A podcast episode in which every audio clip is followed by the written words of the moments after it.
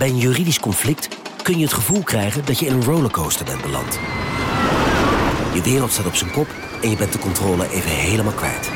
Dan is het fijn als je bent verzekerd bij ARAG. Daar werken topjuristen en advocaten die je begrijpen. Die een stap extra voor je zetten. En je het gevoel van controle teruggeven. Met kennis en informatie, met heldere uitleg en met gericht advies. ARAG, juridisch probleemoplossers. Wie reist met NS, reist net even anders. Wij reizen groen, zonder moeite te doen. Oh, zo kan je dus ook een dagje weg. En wij werken in stilte. In stilte? Nou ja, met oortjes dan. Oh. Zo gaan we iedere dag vooruit. Wij allemaal. Stap je ook in?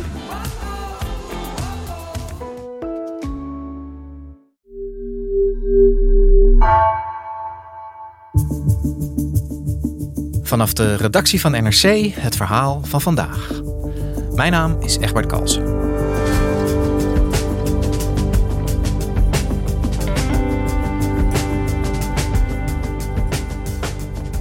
Stond jij vanochtend ook weer in een overvolle trein? Best kans dat de oorzaak daarvan geen incident was, maar het gevolg van structurele problemen. Klokkenluider en werknemer bij de NS Luc de Rond zag steeds dezelfde technische mankementen voorbij komen.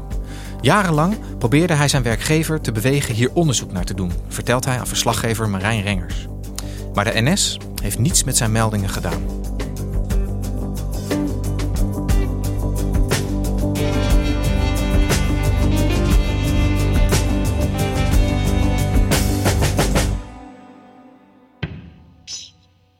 Reizigers die morgen met de trein naar Den Haag gaan, moeten rekening houden met vertragingen van een uur. Dat komt door een ontspoorde trein. De trein met 180 mensen aan boord ontspoorde vanmiddag tussen Den Haag-Ipenburg en Den Haag Centraal. De inspectie Leefomgeving en Transport doet onderzoek naar de ontsporing. Dit is een treinongeluk uh, uit januari 2020.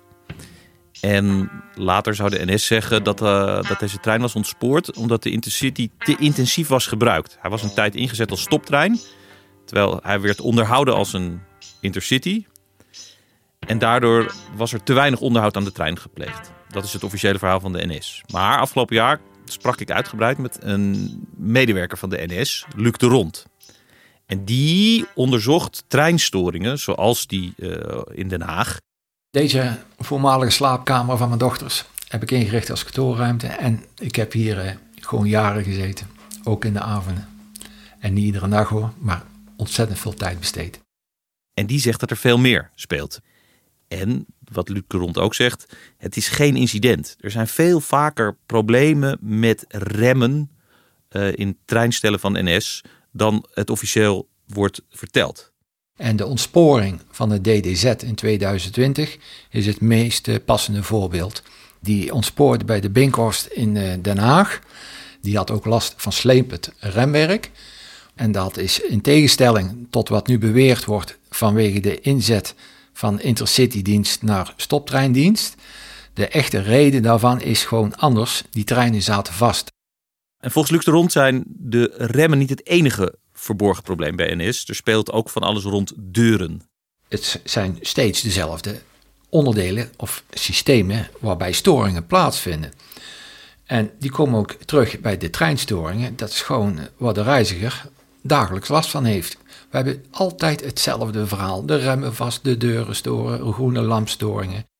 Nou, gevolg is dat er heel veel treinen stilstaan door reparaties, wagons die in reparatie zijn op de werkplaats staan, waardoor de treinen korter zijn en er dus veel meer mensen in die beschikbare treinstellen die wel rijden worden geperst. Ja, ik ben zelf een van die uh, reizigers die regelmatig moet knokken voor een plekje in de trein. Dus ik herken veel van wat je zegt. Um, dat klinkt allemaal vervelend. Hè? Is het nou ook een, een, een veiligheidsrisico voor reizigers, het probleem wat die Luc de Rond aankaart? Nou, dat kan het wel zijn. Die technische problemen die kunnen leiden tot veiligheidsproblemen. Mensen die beklemd raken tussen deuren. In het geval van die ontsporing bij Den Haag zijn er geen gewonden gevallen. Maar voor hetzelfde gebeld gebeurt dat wel. Hij heeft keer op keer bij zijn meerdere, bij zijn bazen bij de NS aangegeven: jongens, dit zijn geen incidenten. Er zijn structurele problemen met de wielen. Er zijn structurele problemen met de deuren. we moeten er door die bril naar kijken. We moeten ze niet elke keer maar gewoon weer dom repareren. Maar we moeten kijken naar wat we verkeerd doen. Eigenlijk staat in mijn melding, in mijn brief ook, dat we gewoon letterlijk fout hebben gemaakt met de bestelling van de trein. Alleen, ja, als je de probleem wil oplossen, dat begint met de fouten die je eerder hebt gemaakt, moet erkennen. En daar gaat het hier in mijn verhaal helemaal mee mis. En dat leidde tot helemaal niets. Toen is hij uiteindelijk klokkenluider geworden. Maar hij heeft nog steeds het gevoel dat zijn verhaal niet gehoord is. Dat het niet goed is onderzocht. En daarom is hij uiteindelijk bij NRC terechtgekomen. Omdat hij het publiek wilde hebben. Dus ik denk van ja, dan moeten jullie het maar lezen. En dan uh, word ik vanzelf de bekende klokkenluider. Ik heb geen andere keus. Ik vind het heel triest.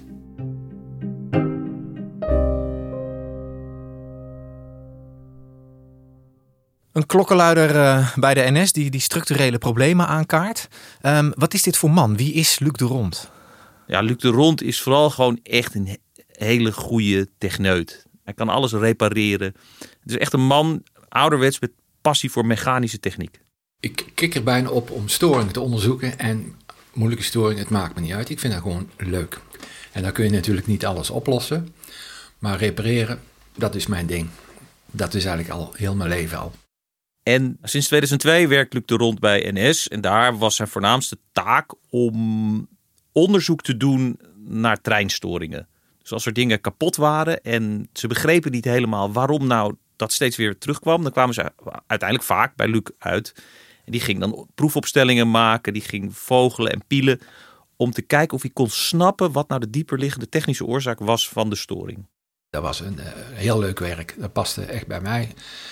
En in die periode heb ik vanaf het eerste of tweede jaar, zeg maar, nou heel veel dingen de revue zien passeren. En voor mij was het al gauw duidelijk, het zijn steeds dezelfde onderdelen of systemen waarbij storingen plaatsvinden. De deurentechniek van de NS-wagons, eh, daar was iets mee. Soms gingen ze opeens open, dan gingen ze opeens dicht, er konden mensen tussenkomen. Soms kreeg de machinist een signaal dat de deuren in orde waren, terwijl ze dat niet waren. Nou, dat was een van de grote problemen waar de NS de afgelopen jaren mee heeft gekampt.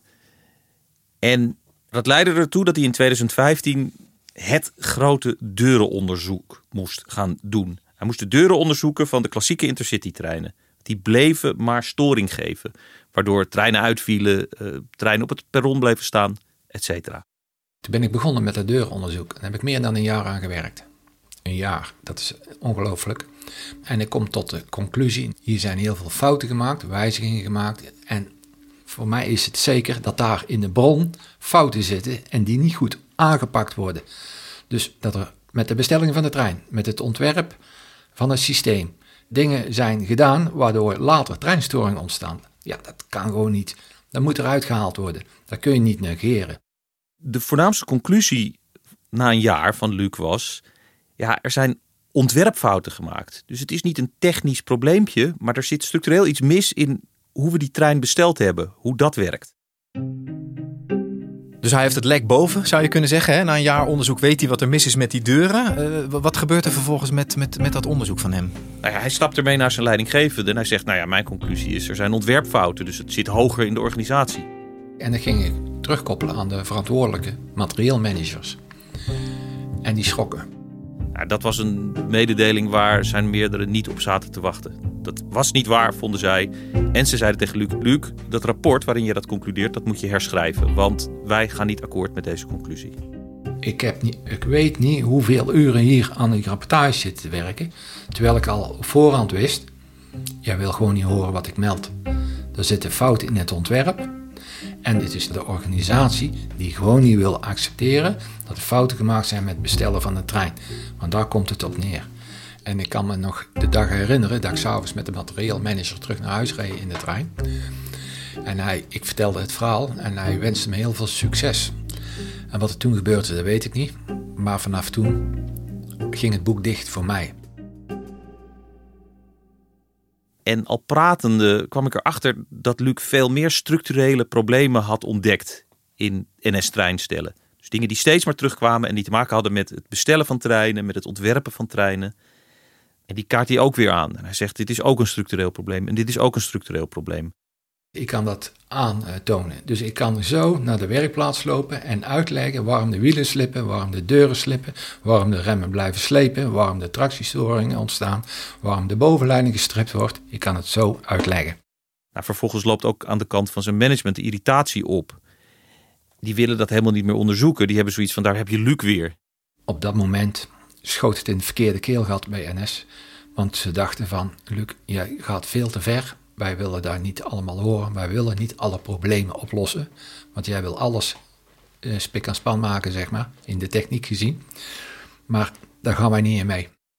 En uiteindelijk krijgt hij ander werk. Hij mag geen storingen meer onderzoeken. Nou ja, na die eerste officiële melding die hij doet, wordt er eigenlijk geen echt onderzoek gedaan, volgens Luc. En die ziet op een gegeven moment geen andere uitweg voor zichzelf meer dan officieel klokkenluider te worden. Om zich officieel te melden bij de instanties, bij de overheid en te zeggen: Ik ben een klokkenluider, ik zie een probleem en dit moet onderzocht worden. Ik werd slecht beoordeeld in 2017. Ik verloor mijn werk. En 2 januari lag de brief bij NS op de plank, terwijl was mijn eerste melding als klokkenluider. En zo is het eh, ontstaan. Ja, want dat is denk ik wel goed om heel eventjes eh, uit te leggen. Als je een officiële klokkenluider bent, dan heb je ook een echt een aparte, bijna beschermde status. Hè? Ja, er is het wethuis voor klokkenluiders, heet dat. Die zegt, als jij een maatschappelijk nuttige melding doet, dan moet de organisatie waar jij werkt, zeker als het een overheidsorganisatie is, die melding onderzoeken. En zolang dat onderzoek loopt, mag je niet benadeeld worden. Ehm, nou, die officiële status heeft Luc tot op de dag van vandaag. En ze wilden op een beetje vervelende manier, door middel van slechte beoordelingen, gewoon mij aan de kant schuiven. En ze proberen me nu nog te ontslaan. Nou, in 2019, Luc is inmiddels officieel klokkenluider, heeft hij ook recht op bijstand door een medewerker van het Huis voor Klokkenluiders in Utrecht. Nou, samen met die man stelt hij nog een keer een brief op. En deze is zoals hij nu hier ligt en die is nog actueel. En die is uiteindelijk onderzocht door uh, de inspectie. En ook omdat hij nu het huis achter zich heeft en die officiële status, wordt hij wel opgepakt. Dus NS gaat ermee aan de slag en uiteindelijk gaat ook de inspectie ermee aan de slag. Oké, dus in, in tweede instantie uh, pakt de NS eigenlijk zijn signalen wel op. Hè? Ze nemen hem nu wel serieus. Um, en de inspectie ook. Wat, wat zei de inspectie? Nou, dit is bijzonder, want ik heb ook uitgebreid gesproken met Wim Beukenkamp. En normaal kun je wel met een woordvoerder van de inspectie praten, maar niet met de inspecteur zelf. Dat kon in dit geval wel, omdat Wim Beukenkamp in oktober met pensioen is gegaan. De afgelopen 15 jaar was hij de man die in Nederland de veiligheid van het spoor moest controleren. Ik ben Wim Beukenkamp. Ik ben uh, tot een paar weken geleden uh, senior inspecteur rail geweest bij de inspectie Leefomgeving en Transport. Ik ben sinds uh, 10 oktober officieel met pensioen. En Wim Beukenkamp was ook de man die als laatste klus bij de inspectie de klachten van Luc de Rond heeft onderzocht. Hij heeft absoluut een punt. Alleen zijn punt is, zien wij als een symptoom van een dieperliggend probleem. En je moet dus oppassen dat je je op de symptomen focust, want dan ben je aspirintjes aan het nemen tegen de hoofdpijn, terwijl je niks aan de hoge bloeddruk doet, die de oorzaak van die hoofdpijn is. Een, een dieper liggend probleem, zegt, uh, zegt Wim Beukenkamp. Waar heeft hij het dan over? Kijk, de inspectie mag in Nederland alleen toezicht houden op veiligheid. Er is een soort systeem voor gebouwd dat elke keer als er een probleem is, een veiligheidsprobleem, dan is er een melding. En die melding gaat ook naar de inspectie. Dus inspecteurs moeten van de NS horen wat de problemen zijn en daar vervolgens wat van vinden.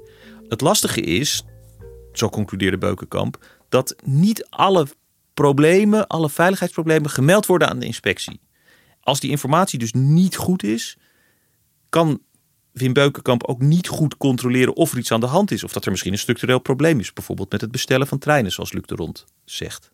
Wat wij proberen te bewerkstelligen als inspectie is dat bij in dit geval NS er een zodanige systeemverandering plaatsvindt dat zijn klachten, maar ook andere soortgelijke problemen uh, goed worden afgehandeld en niet halverwege het uh, traject verdampen.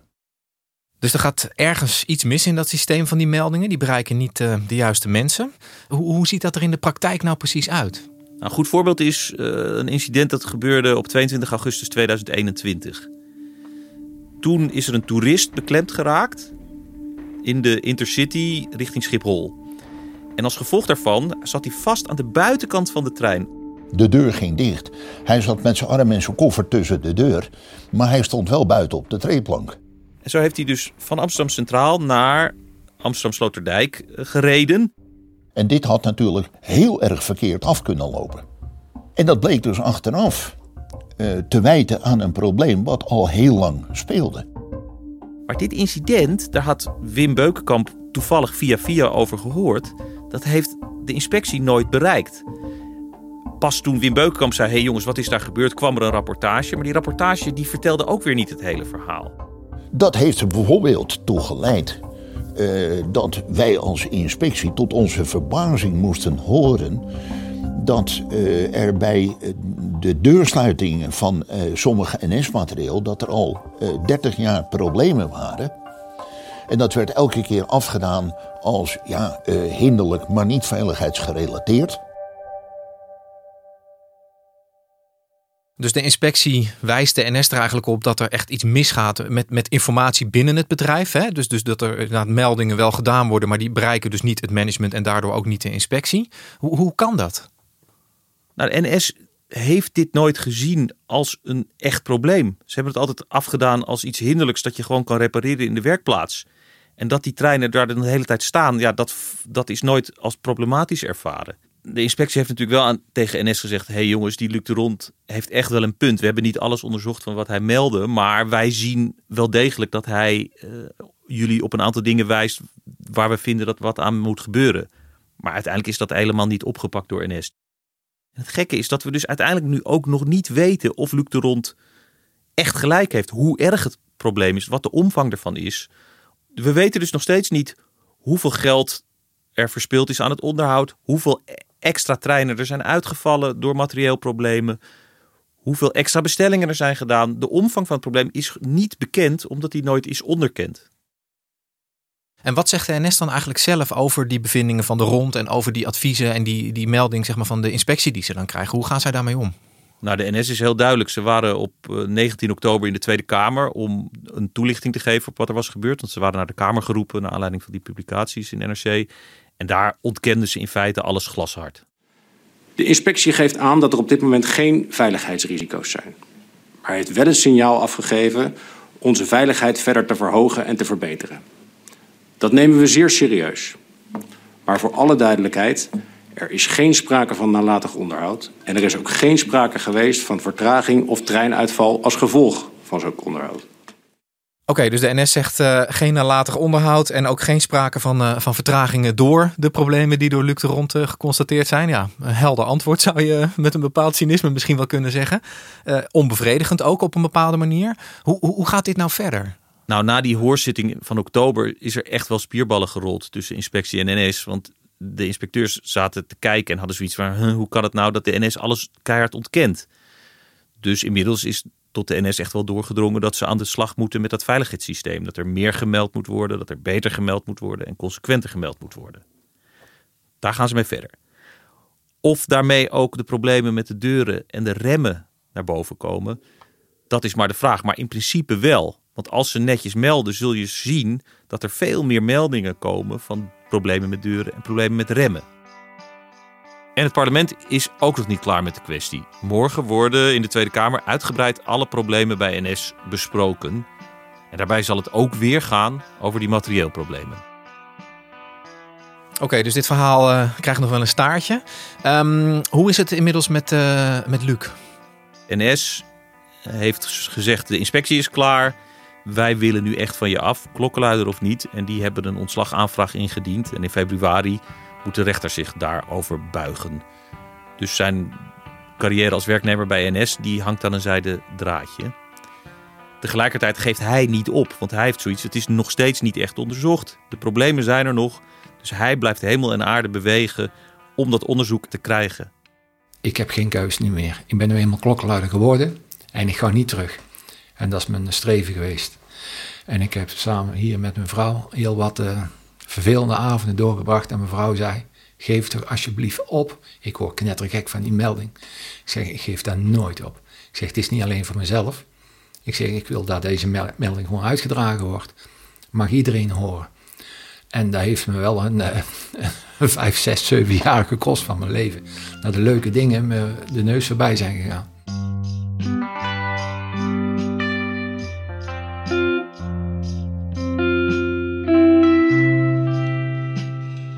Marijn, dankjewel. Graag gedaan.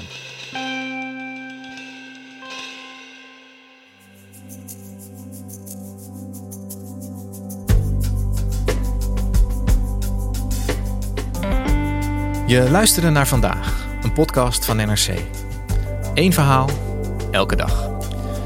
Deze aflevering werd gemaakt door Ruben Pest en Astrid Cornelissen. Dit was vandaag, morgen weer.